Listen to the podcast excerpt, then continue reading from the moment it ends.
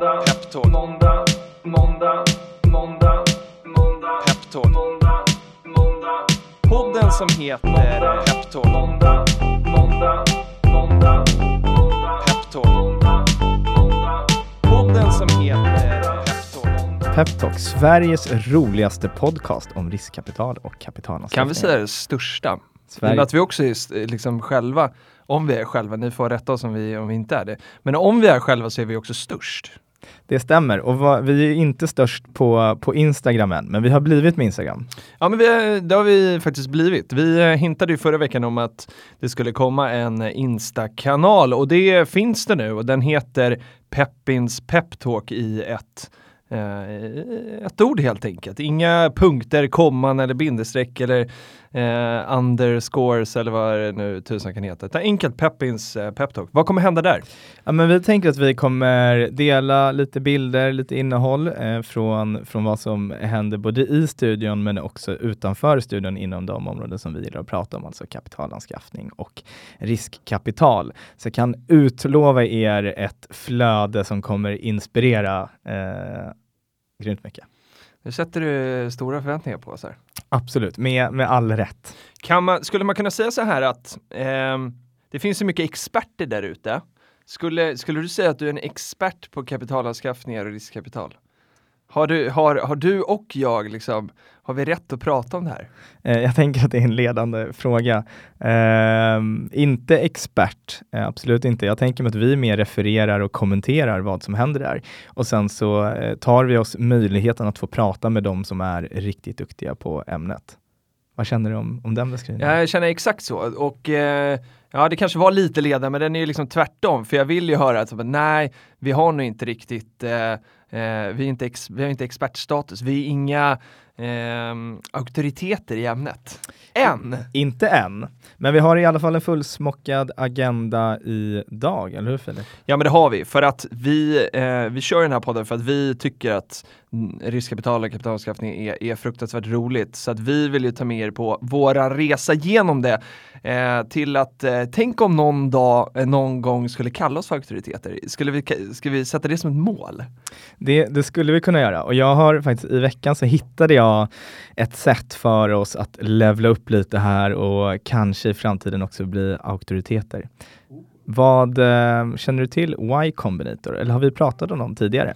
Eh, jag känner igen att du har nämnt det någon gång. Sen vet jag inte om det är i studion eller utanför, men Ja, men, kort backstory på Y Combinator. Det är en av världens mest hypade företagsinkubatorer. Två gånger per år så investerar inkubatorn en mindre summa pengar, 150 000 dollar i ett stort antal startups. Eh, är det startups det som är liksom en inkubator? Ja men det är precis, man liksom inkuberar bolag, så du kommer dit med en Vad idé eller en affärsplan, eh, ett utkast till det och sen så får du stöttning och stöd från inkubatorn med allt som du kan tänkas behöva för att få den här lilla rackaren att flyga. Inte bara cash. Inte bara cash. Eh, och i det här fallet så flyttar till och med startup, startupsen till eh, Silicon Valley. Du bor där i tre månader och så jobbar du antagligen arslet av dig för att bygga bolagen inför den stora slutpitchen eh, som sker inför många välrenommerade investerare. Eh, den dagen kallas för Demo Day eh, och eh, ja, det är, en, det är ett sånt där invite only event. Mm. Det är Så- elitistiskt där. Precis, vårt mål är att vi inom ett par år ska bli inbjudna dit. Eh, Som, eh, som investerar eh, kollektiv då. Precis, som investerar kollektiv. Eh, men några startups som har sprungit i Y Combinator, Mm. eh, Airbnb, som också planeras att gå till börsen nu under 2020. Eh, det verkar inte vara bestämt exakt när, men jag har läst Q2 på lite olika ställen. Vi har också Stripe, eh, ett digitalt betalbolag som värderades, värderades till 35 miljarder dollar eh, i en runda där välrenommerade VC-bolag som Anderson Horowitz och Sequoia bland annat deltog. Och Sequoia blev kända för att de var väldigt tidigt in i eh, Apple bland annat. Just det. Sen är det också Dropbox, Instacart, DoorDash eh, och för oss som gillar digital marknadsföring, Mixpanel, Amplitude och Optimizely. Så de har ett bra eh, track record. Men eh, Y Combinator Y Combinator har nu liksom tagit på sig uppdraget här att eh, se till så att vi får in fler startup-investerare i marknaden och håller på att lansera en onlineutbildning som de ska kalla för Startup Investors School. Okej, Mm, en fyra utbildning som du kan delta antingen på plats i Mountain View eller eh, alltså i Silicon Valley eller gratis på deras hemsida. har du gått den här då? Jag har inte gått det. Eh, Kruxet här är att du behöver vara då en akkrediterad investerare. Mhm. Eh, betydelse då att du ska ha nettoförmögenhet på en miljon dollar eller inkomst på 200 000 dollar per, per år. Så Kvalificerar inte då? kvalificerar inte dit, men skulle du kunna tänka dig att gå en sån internetutbildning för att bli en bättre investerare?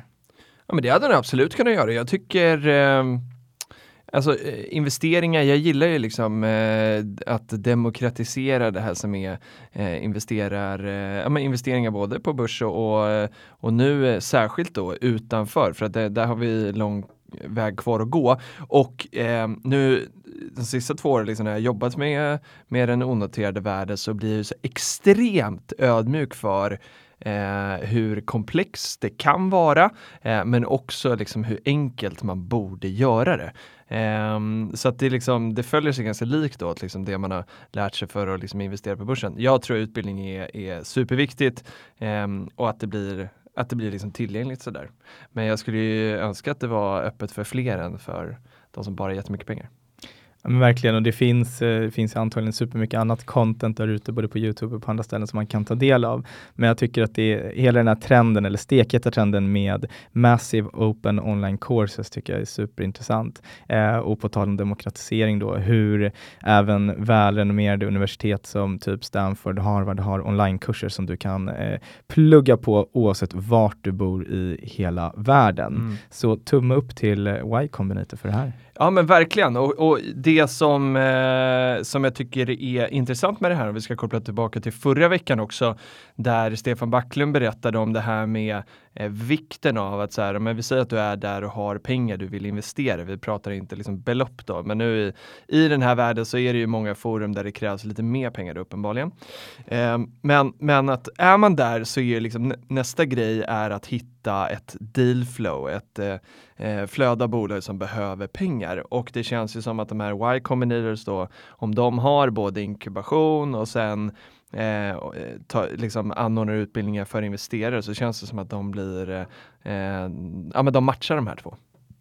Verkligen, det, det gör de. Och är man intresserad på Y de har en hemsida med fantastiskt mycket bra innehåll eh, och i samband med den här så kallade Demo Day där alla bolag som gått igenom deras inkubatorprogram pitchar eh, så brukar de också, eller du kommer hitta listan på alla de här bolagen på Techcrunch bland annat. Eh, och jag tycker det är sjukt intressant att sitta och läsa igenom det här och försöka se och följa vad det är för affärsmodeller som gäller, vilka trender ser vi på startup-himlen just nu.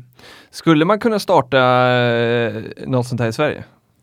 Jag funderar på om det inte finns några så här lite liknande. Vi har väl Sting här i Stockholm Ja, annat, som jobbar relativt så. en, en grej som jag vill bolla med dig är vad händer då Ehm, ibland, ibland tycker jag att man kan läsa om eh, experter som eh, ska dela med sig av, av liksom kunskap.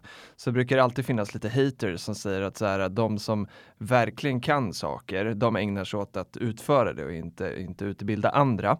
Eh, och det är lite raljant att säga så såklart, men, men ligger det någonting i det? Är det liksom, eh, om man startar en sån här utbildning, eh, behöver man vara noga med att fundera på liksom så här, what's in it for them som, som sätter upp utbildningen och också utför det? Behöver man fundera på det? Men jag, jag an, antar det. Jag Eller ska man bara vara glad för att så här, här är någon riktigt smart eh, kvinna eller man som eh, har lärt sig allt och nu vill dela med sig den informationen? Ja, generellt sett, jag tror man får vara, jag tänker väl att man får vara rätt skeptisk när man hittar den här typen av utbildningar och framförallt alla proffs som sitter i tips och råd och därför är vi supertydliga med att vi är inga proffs som ger tips och råd. Vi refererar och kommenterar vad proffsen gör. Nu fick du röd tråd till eh, auktoritet, eh, liksom målet här. Då. Ja, Bra! äntligen.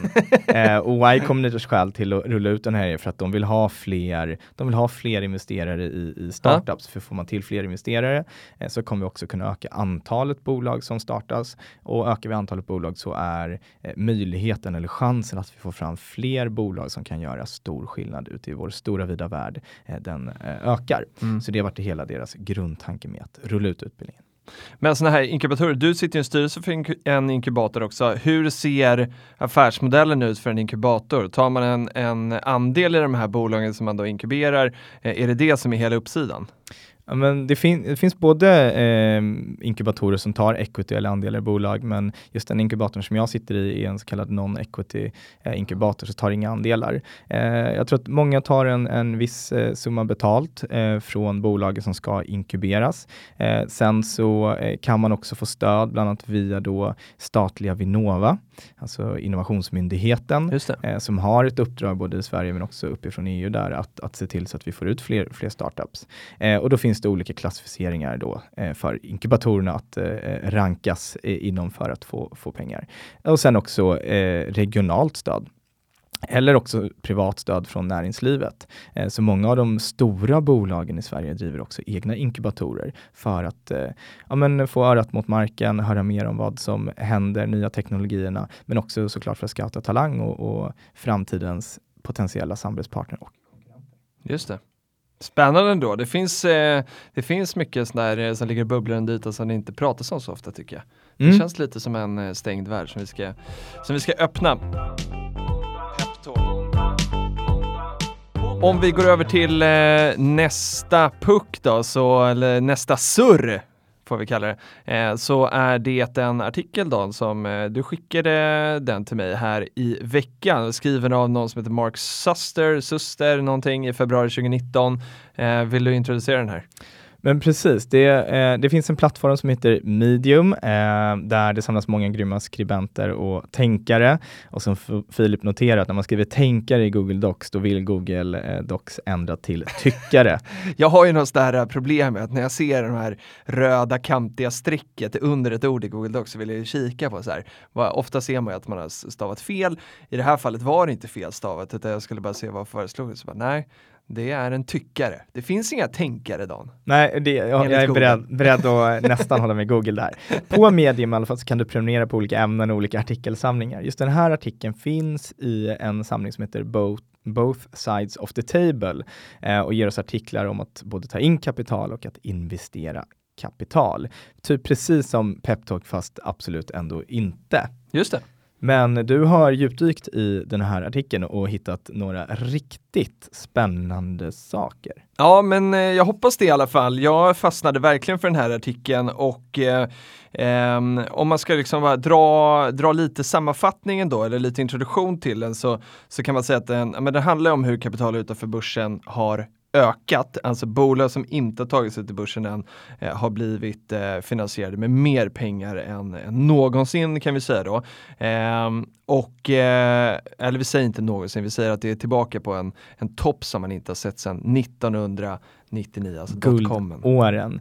Och en bakgrund till artikeln där också, varför man skriver den där, det är för att många säger att, eh, eh, eller många säger, eh, men att eh, riskkapital, det finns för mycket pengar i systemet och Ja. det här driver liksom värderingarna till en nivå som är osund. Och eh, vi ska försöka ta oss lite djupare i och se, finns det verkligen för mycket pengar i systemet och vart går de här cashen egentligen? Ja men verkligen. Och för det som är intressant när man hajar till i en sån här artikel som man förstår handlar om att bolag går senare och senare till börsen, att det finns massa pengar utanför.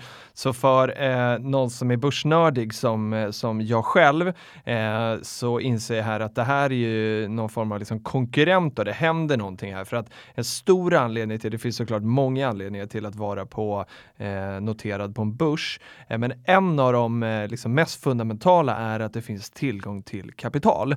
Eh, och att det finns tillgång till kapital där är ju såklart för att ja, men, bolagen är då ganska genomlysta. De, det är någon som tittar på dem hela tiden och kommer med rapporter. De har ordning och reda på siffror för att det, är liksom, det finns vissa krav för att vara på en börs. Att många som investerar pengar tycker att ja, men det är en tick the box att man är på en, en marknad där man kan handlas. Men här blir det ju en förändring då när så mycket pengar eh, kommer till bolag före börsen och här ser vi liksom en trend. 2018 då så hade 256 amerikanska riskkapitalfonder eller VC-fonder för att snacka lingo eh, rest, alltså tagit in 55 miljarder dollar. Mycket, mycket pengar. Och det här var den högsta siffran då sedan eh, 99 eller dotcom eh, eran. Eh, och utvecklingen då av summan pengar som flödar till startups i det här fallet går i linje med hur mycket pengar som de här riskkapitalfonderna tar in och det är ju rimligt. Eh, det blir hönan och ägget här liksom. För kommer det in pengar så finns det bolag som står där och säger hej, jag vill ha pengar. Eh, och så investeras de dit för det är det som eh, de har varit menade för. Eh, det intressanta här då är också att 2018 så investeras det 131 miljarder dollar i startups eh, och eh, vi tror här, vi ska säga att det här är Eh, när man är osäker i sådana här artiklar på vad, om det gäller globalt eller USA, så brukar det vara USA. Så vi tror att det är USA. Vi försökte komma fram till vad det egentligen är. Men det är amerikanska riskkapitalfonder i alla fall. Eh, och vi gissar att det är i amerikanska startups. Exakt. Eh, och eh, av de här 131 miljarderna då som investerades 2018 så var hälften av dessa, nästan hälften, så kallade mega rounds. Eh, och eh, här kan man också dividera lite vad artikeln menar om det är runder som är över 50 eller 100 miljoner dollar. Eh, oavsett så är det väldigt mycket pengar. Eh, och det här ska då ställas i jämförelse med de här hälften då som är megarunder i förhållande till 15 procent eh, var megar under 2013. Och vad drar vi för slutsats av det? Jo, att det är några bolag som får väldigt, väldigt mycket pengar. Alla de här pengarna som investeras utanför börsen sprids inte eh, i mindre runder utan det är då några som får väldigt, väldigt stor del av kakan. Och det vi ser här också är att eh, eh, man får information i den här artikeln om att eh, om man tittar på gamla IPOs då, eh, historiskt eh, så har bolag noterats på en börs eh, 6 till 8 år efter att de har liksom startats. Eh, och i de fallen då så har, eh, har de ofta tagit in eh, 50 miljoner då i något genomsnitt eh, miljoner dollar.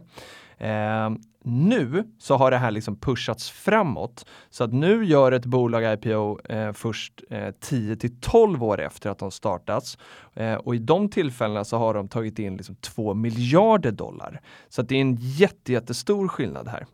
Och det finns några eh, exempel som jag tänkte att vi eh, kunde gå igenom. Vi har eh, Ebay till exempel. Eh, de hade varit eh, eh, privata i tre år innan de gick till börsen. Då hade de tagit in 7 miljoner dollar innan de hamnade på börsen. Det låter som kaffepengar med dagens mått mätt. ja, men det är helt sjukt alltså. Um, och eh, den sista liksom, värderingen på dem innan de gick till börsen var 23 miljoner dollar. Uh, det är väldigt mycket mer idag.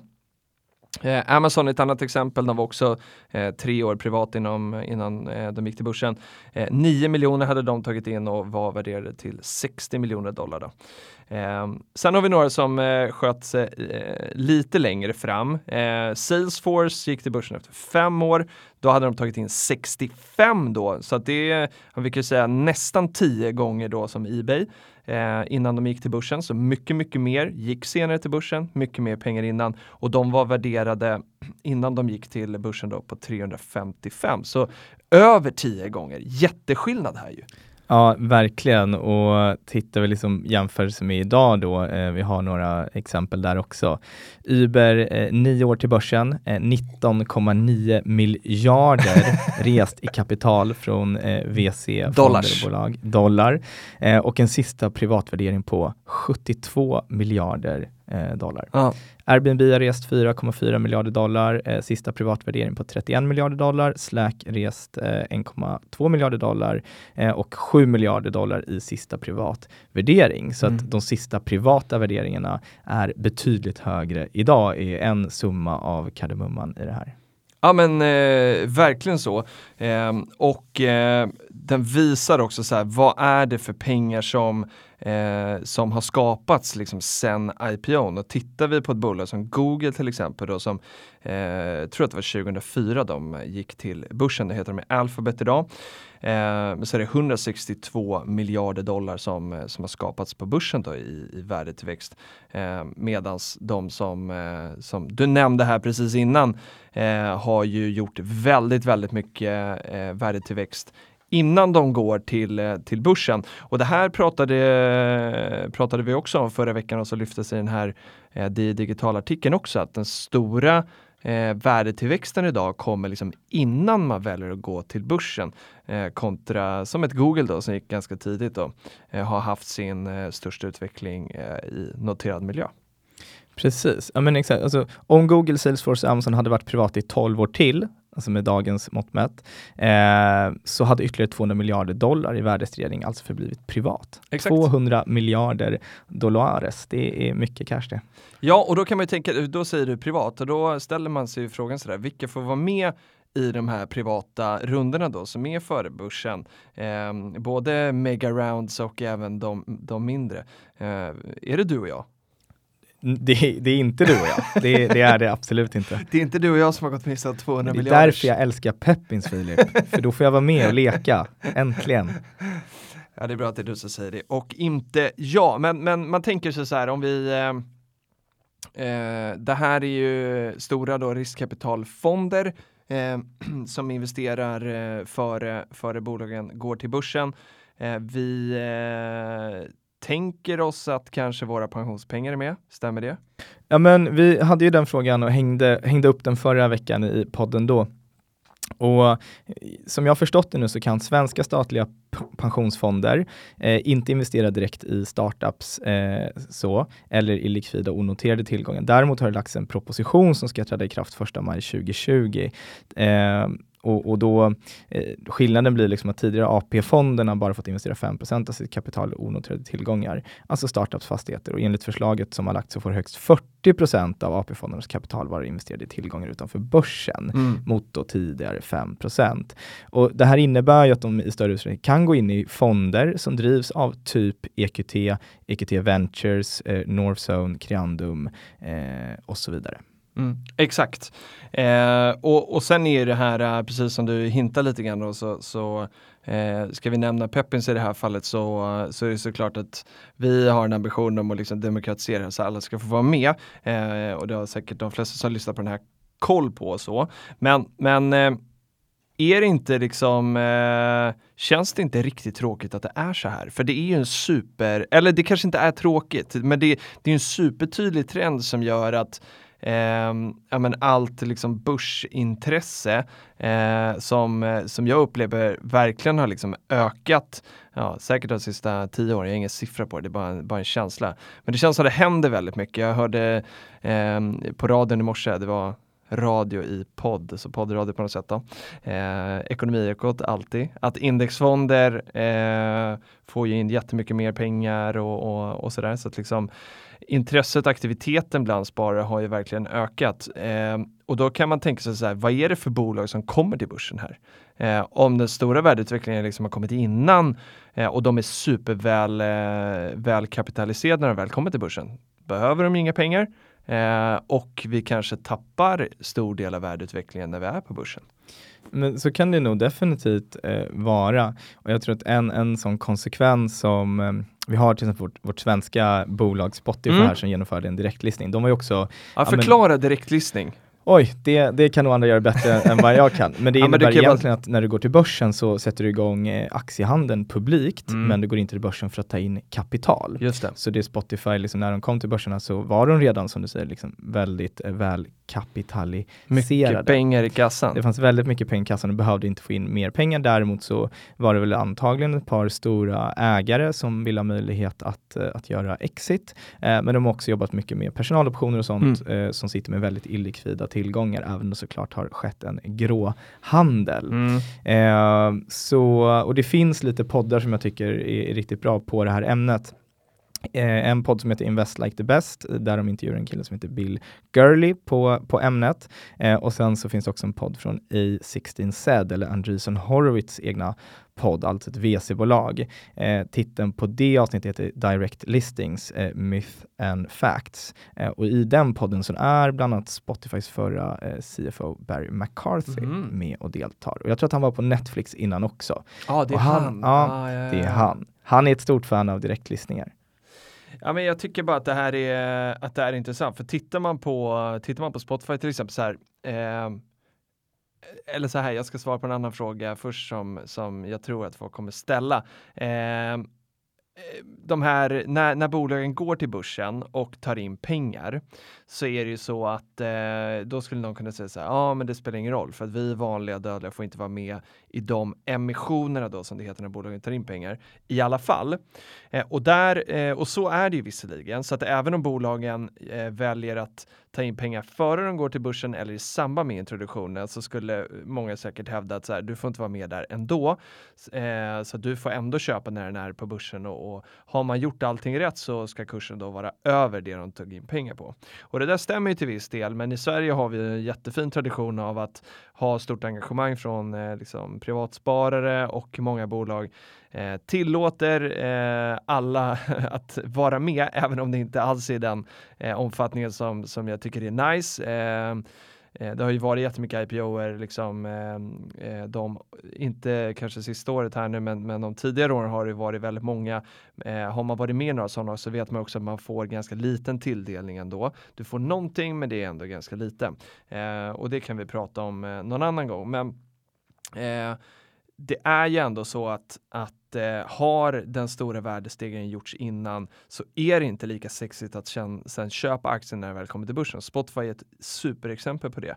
Eh, det är bara att gå in eh, på någon eh, aktiesida och eh, eller Google för den delen, Yahoo, vad som helst. Sök på deras aktie och titta hur utvecklingen har gått sedan den noterades. Det är inte jättekul.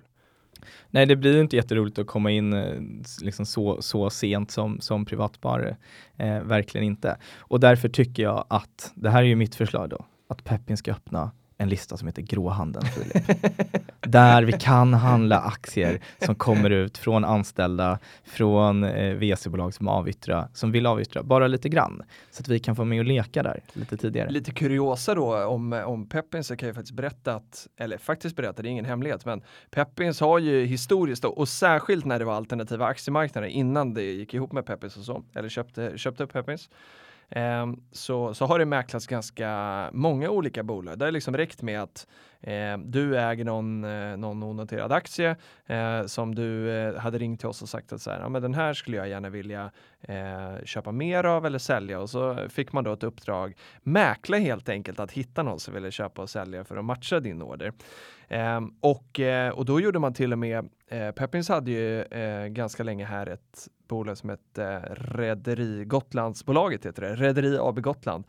Um, och de var liksom inte listade själva på Peppins. Uh, så att Peppins hade inget liksom, eh, uh, inga avtal med det bolaget utan det var en så kallad, uh, ska vi komma, se om jag kommer ihåg vad det heter, eh, aktieägaranslutning eller någonting sånt där. Eh, man gjorde helt enkelt så att om det fanns eh, tillräckligt många aktieägare som ville att det skulle finnas likviditet i aktien eh, så anslöt man den här aktien och, eh, och handlade den. Nu har vi sen, eller jag, eh, la ett förslag sen att så här, nu tar vi bort det här. Nu ska vi bara jobba med bolag som, som vill att det ska vara omsättning i deras aktier eh, och inte hålla på med den här gråhandeln. Så att jag satte ju stopp för det för ett år sedan. Men jag kanske får öppna det nu här om du, om du pitchar det riktigt bra. Ja, men eh, jag, jag ska slipa lite på min pitch känner jag. och, och gråhandel, det kan ju låta som att det är lite shady business, ja. men det är det inte. Nej men det är, nej, men det är inget konstigt med det. Det är bara att den, du får liksom gå in i gränden istället för att gå ut på Hötorget. Eh, för på Hötorget så ser du allting som säljs. Men om du går in på en liten bakgata där någonstans eh, bakom Max, eh, då står jag där. Och det lät ju ännu mindre shady det. Nej men så här, jag, jag uppmanar verkligen, alltså så här, gråhandel eh, känns ju tokig för att jag, jag tänker mig att om folk vill handla frukt och grönt så går man till Atari för man tänker sig att det är där och de som vet att jag står bakom Max eh, på någon bakgata, eh, de kommer hitta dit och jag gillar inte det. Jag vill att alla ska få vara med som vill eh, och då vill man att det ska vara liksom öppet och eh, eh, transparent för alla och det är därför jag så här, Ja, jag vill att alla bolag eh, som, som vill ge sina anställda och andra möjlighet att investera, eh, ring till mig så kan jag liksom hjälpa till med det. Precis. Men tillbaka till, till artikeln då. Mm som vi pratade om här, eh, större eh, liksom andel av värdestegringen eller värdeutvecklingen stannar kvar i, i privat regi eller ja. hos VC-bolagen och VC-firmorna. Mm. Eh, och eh, om man tittar på trad traditionellt VC-jobb som vi pratar om att det är att gå in med kapital kanske i tidigare skeden. Eh, och de har kategoriserat det här egentligen i tre olika delar nu där eh, VC-bolagen Liksom, för, för de får ju en utmaning här att om de tidigare har kunnat eh, likvidera sina investeringar efter, vad sa vi, sex, sex år eller något sånt där. Just det. Eh, så idag så sitter man på, på casen upp till kanske 12 år innan Ja. man kan göra en exit på, på börsen. Eh, och då har man då kategoriserat in det här i lite olika typer av fonder. Eh, där de fortfarande, eller många av de mest framgångsrika VC-bolagen här då specifikt i USA, har eh, fonder som investerar i tidigt skede, alltså sådd kapital, starten. Du har venture capital eller riskkapitalet som går in i ett skede som, som de beskriver som scale or bust. så antingen går det här sjukt bra eller så går det åt eh, pipsvängen. Eh, och där är då grundtanken att 20% av affärerna ska driva 80% av eh, vinsterna. Och sen har man då adderat ytterligare en box som heter growth capital eller tillväxtkapitalet. Alltså typ privata IPOs. Jag antar att det är den sista delen framförallt här Ja. som gör att de får, eller skapar en så kallad, eh, vad säger de, value capturing. Mm. Att de bevarar värdet hos sig Exakt. själva. Och det här kan de göra via något som heter prorata-rättigheter. Mm, exakt. Eh, och har du någon koll på vad det är? Eh, Pro, alltså prorata är ju, eh, eh, är ju din andel av någonting. Alltså man brukar prata om prorata när eh, om, om du äger 10% av ett bolag och så ska de ta in eh, 10 miljoner så är din prorata då eh, en miljon, alltså 10 Så att du ska, eh, av nya pengar ska du få lika stor andel av, eller ha rätt till lika stor andel att teckna eh, som du äger innan emissionen. Eh, och då behöver man ju Eh, Det är det här som är så viktigt med också som vi eh, pratade förra veckan om med, med Stefan. Att eh, du måste då se till att du har pengar där och då för att annars blir du ju utspädd.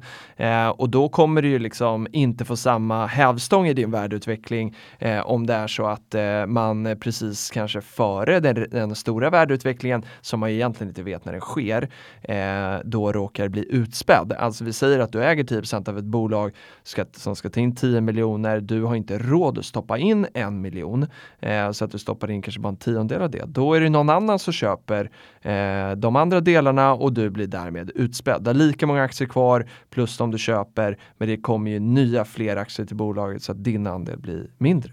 Precis, och det här är ju, precis som du säger där, att bevaka sitt, sitt ägande. Och det här blir ju någonting som VC-bolagen i större och större utsträckning vill förhandla in i sina aktieägaravtal, en prorata-rättighet. Ja. För det du gör då när du investerar i sådd kapital i tidigt skede, eh, sannolikheten att det går vägen eh, är, är mindre än vad den blir i senare skeden när du gör nästa investering. För då har Mm. du kanske lärt känna teamet, du har Exakt. insyn i bolaget. Ja. Och då kan du själv välja case eh, och du vet hur bolaget fungerar. Och risken minskar också för de här så kallade LPs eller limited partners, alltså Mm. investerarna i fonderna, eh, desto senare skede man kommer i för att bolaget blir större eh, och risken med det minskar lite. Det är fortfarande väldigt hög risk eh, i Ja, ja. den här typen av investeringar och alla risker är fören eller alla investeringar är förenade med Yes. risk. Bra. Eh, men det här gör då att eh, riskkapitalbolag kan resa en ny fond och en ny fond. Och det är på det här sättet som riskkapitalmarknaden har vuxit så pass Mm. mycket som den gjort. Eh, bolag som tidigare har haft fonder på kanske några hundra miljoner sitter idag med fonder på flera miljarder dollar Ja. för att de har rest de här senare fonderna. Exakt. Och, och det blir intressant när, när eh, landskapet liksom förändras. För att om det var som det var tidigare, att du visste att du investerade eh, i ett bolag eh, på eh, år X och sen var år Y då när det gick till börsen fem år. Ja men då vet jag att säga, jag låser in pengar nu i fem år och sen kommer jag få förhoppningsvis då eh, hem pengar som gör att jag kan investera nytt. Eh, och tar det 12 år istället, ja då ska man dels ha tid att rida ut de där 12 åren som du säger, har, har liksom råd att kunna vara med i, i nya runder. För det kommer ju ske ju längre tid det är såklart så lär det ju vara fler nyemissioner. Eh, och så ska man då se till också ha lite kassaflöde, andra pengar då som kommer från någonting. Eh, intressant hur man liksom får också ställa om som riskkapitalare. Verkligen. Det är lite att, att hålla koll på det här, det är en komplex värld.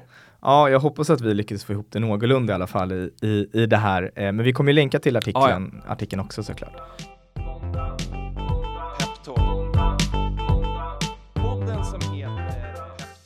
Hållbarhet Dan det är på tapeten igen, eller det är alltid på tapeten, men, men det händer något särskilt i veckan. Eh, den här eh, veckan så var det någon som skrev ett brev, inte till oss, men till, eh, till världen.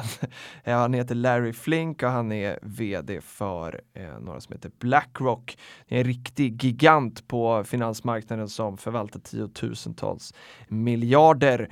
Ehm, han skrev ett brev där han bland annat säger att han under sina 40 år i finansbranschen har varit med om flera eh, finansiella kriser och han menar att eh, den kris vi är i nu eller står inför är helt annorlunda än de här han har varit med om tidigare. Eh, och den stora skillnaden i det här är att de tidigare kriserna menar han har eh, varit ganska kortsiktiga i sin natur. Eh, det är någon bubbla som liksom blåses upp och så är det någon som pickar hål på den där och så slickar man såren och så är man på väg tillbaka igen. Eh, men nu menar han att eh, det här krisen som är klimatkrisen då är annorlunda för att den är långsiktig på riktigt. Ehm, och han eh, uppmanar helt enkelt här då både företag, investerare och myndigheter att förbereda sig på en rejäl omallokering av kapital. Eh, och det här var något citat då. Ehm, och med det menar han ju att så här, ja, men, vi måste faktiskt börja flytta. Omallokering betyder att du investerade i någonting idag. Eh, du behöver eh, investera i någonting annat eller i alla fall eh, dra ner kanske eh, exponeringen på någonting för att göra någonting annat. Lite likt de här riskkapitalbolagen som vi var inne på nyss eh, som kanske räckte med att ha en fond tidigare, nu behöver de tre för att eh, tidsspannet är, är, är annorlunda. Och eh, jag tycker att det är intressant att förstå eh, liksom hur nya och befintliga pengar liksom påverkar världen olika. För att eh, Blackrock då är ju en, en jättegigant som har jättestora fonder och förvaltar väldigt mycket eh, av andra människors eh, eh, pengar. Och det gör ju såklart att de har massa eh, begagnade aktier, alltså sådana eh, som redan har tillfört bolag med kapital någon gång. Och det är klart att de skulle kunna ta de här pengarna och sälja dem i bolag som de eh, upplever vara dåliga för klimatet eller så här, eller kanske inte kommer tillföra det som behövs för klimatet eh, och eh, investera det i nya bolag. Det är ett sätt att göra. Eh, eller så funderar man bara på att eh, det är bara nya pengar som spelar roll och det, det vill jag diskutera lite mer för att det är ju eh, det går ju att göra på olika sätt där. Bara för att du säljer aktier i ett bolag så kommer du inte egentligen, eh, liksom, i det kortsiktiga så kommer du inte skada dem så mycket. Precis. Jag, jag har ju refererat till den tv-serien som heter Silicon Valley. Just det. Och spoiler alert här, eh, i alla fall i ett av bolagen som är med i den tv-serien så anställer de en ny vd. Han är så här proffs eh, manager som har varit med och tagit flera bolag till en då IPO. Och eh, han säger en sak då till grundaren som är väldigt produktfokuserad. Mm. Eh, och det han säger är eh, Richard, vi har bara en kund och det är aktiekursen. Med det sagt så... Vad sjukt ändå, för det är det alla säger alltid så här, vi, klassiska från börs tittar inte på aktiekursen. Då ljuger ju alla.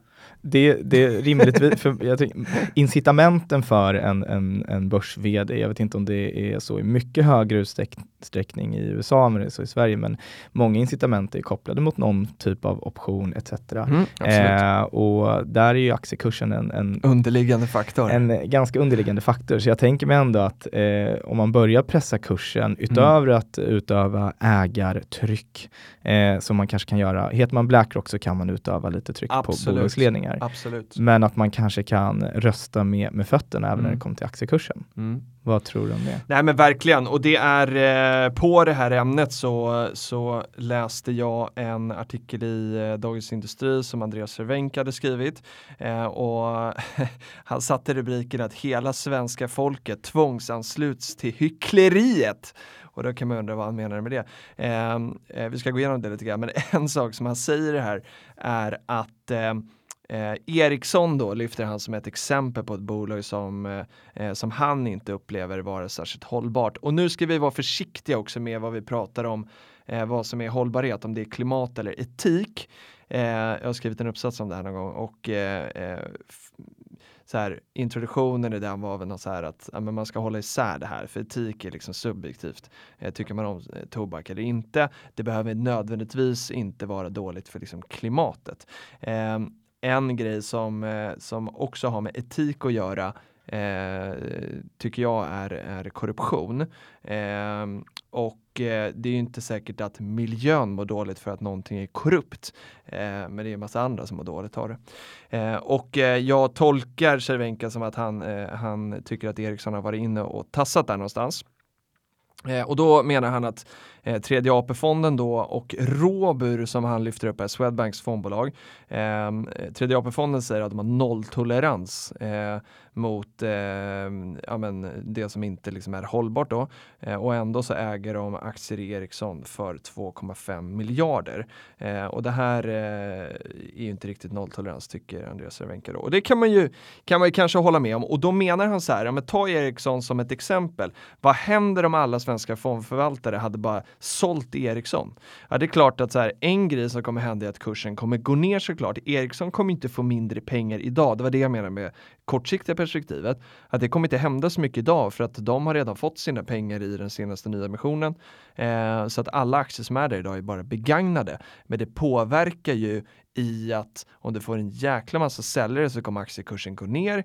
Eh, vdn, vare sig hon eller han säger att den inte bryr sig om aktiekursen, kommer bry sig för att styrelsen kommer ringa.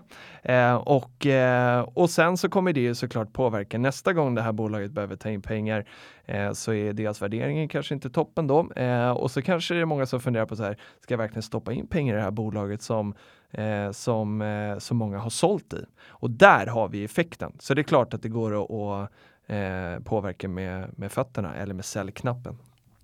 Verkligen, men jag, jag känner när de här stora fonderna som, det blir så mycket politik uppe på den där nivån, liksom, i hur Ja, man utövar sitt ägande. Shit. Eh, Istället för bara ta lite rackarns ägaransvar. Menar, det är väl inte nice att betala mutor, säger sig självt. Exakt. Ja men verkligen. Och Cervenka är inne på det också. Ehm, han eh, lyfter någon Robur-fond här eh, Eh, på som heter, eh, ska vi se vad den heter, strunt samma vad den heter. Eh, han eh, menar i alla fall att går man in på deras sajt så, så eh, frontar de den här väldigt, väldigt mycket och han reagerar på att den har en ganska hög avgift eh, som är eh, högre än liksom vanliga indexfonder då tillbaka på att människor verkar gilla indexfonder idag, det är dit pengarna flödar. Eh, och då menar han så här att eh, om motivationen eh, för att betala eller för att ta ut en högre avgift är att jo men det är för i den här fonden så sätter vi på oss moralhatten och kommer liksom investera i bra saker så tycker han att det är lite märkligt då att man ska behöva eh, ta mer betalt för att man ska sköta sig. Eh, och det kan man ju eh, kan man ju hålla med om. Verkligen. Men vad, eh, har du någon mer intressant poäng här då? Intressant poäng i det här tycker jag är att vanliga människor, eh, och han, eh, han uttrycker sig så här, att liksom eh, vanliga människors pengar är kanske världens mest underutnyttjande maktfaktor. Eh, och, och, och det är ju liksom poängen i frågan som Cervenka ställer sig, att vad hade hänt om alla svenska eh, fondförvaltare hade liksom eh, sålt Ericsson, eller alla svenskar, det kan ju vara världens liksom. Eh, och det är häftigt, för att då blir vi helt plötsligt ett kollektiv som, eh, för, för fondförvaltarna i sig, de sitter ju på våra pengar och vi har investerat i fonder. Eh, men vi kan ju välja att sälja fonder då som inte gör det, så att liksom det finns en enorm konsumentmakt här. Mm. Du och jag Dan, vi styr Ja. den här världen. Det, det gör vi. Nu tar vi, nu tar vi kontrollen eh, över, över Ericsson. Ja, men är det inte lite coolt ändå? Det är klart att alltså, så här, sen kan man tycka vad man vill om eh, Cervenka är ju, han, eh, han är ju inte rädd för att sticka ut hakan och det finns säkert massa som tycker massa om den här artikeln. Eh, men, eh, men jag tycker det är ganska nice ändå, liksom sätta ord på saker och ting ibland och, och eh, ja, om man vill kalla raljera så får man, får man säkert göra det. Men jag tycker absolut han har en poäng här. Mm. Nej men jag håller med, jag tror ju både på, på att eh, vad säger man, rösta med, med fötterna och, och, och konsumentmakt till syvende och sist. Det, det, det är effektivt. Eh, och jag tror att man som, som ägare inte bara bör utan man har ett ansvar att se till så att sina bolag agerar på, på ett korrekt och bra sätt. Mm. Jag tycker det. Glöm nu inte att eh, följa oss på Instagram. Det är där det händer. Eh, det är där det ska hända i alla fall. Eh, det är kul att podda en gång i veckan, men det är ännu roligare att ha kontakt veckan lång. För det händer ju mycket i den här världen som vi, som vi verkar i och ska guida er igenom, eh, som vi eh, tycker är spännande. Eh, så gå in på Instagram och följ oss på Peppins Peptalk i ett ord. Och vi finns också på mail för er som inte kör Insta eller inte tycker att vårt flöde är tillräckligt kul. Eh, och då kan du mejla oss på peptalk.peppins.com. Eh, den här podden eh, kan du prenumerera på eh, på samma ställe som du lyssnar på den just precis nu. Eh, och vi finns på Soundcloud, Acast Podcaster och såklart Spotify. Det stämmer. Podden produceras som ni kanske har förstått för Peppins och inget av innehållet ska ses som finansiell rådgivning. Investeringar är, i aktier är förenat med risk som innebär att man kan förlora delar eller hela det investerade kapitalet. Eh, och vi har inte snackat om några Peppins eh, relaterade aktier idag alls så att vi kan ju, behöver inte disclosa det. Ehm, eh, och så kan vi ju då fundera på den här disclaimer då i förhållande till Larry Flink och hållbarhet. Är det liksom, är den största risken att bolagen eh, eh går ner i värde eller är det att jorden sprängs? Precis, och eh, vi hörs igen om en vecka. Eh, och vill ni träffa på Filip här inför det avsnittet så leta i gränderna runt Hötorget där han bedriver gråhandel. Vi ses! Ha det, hej!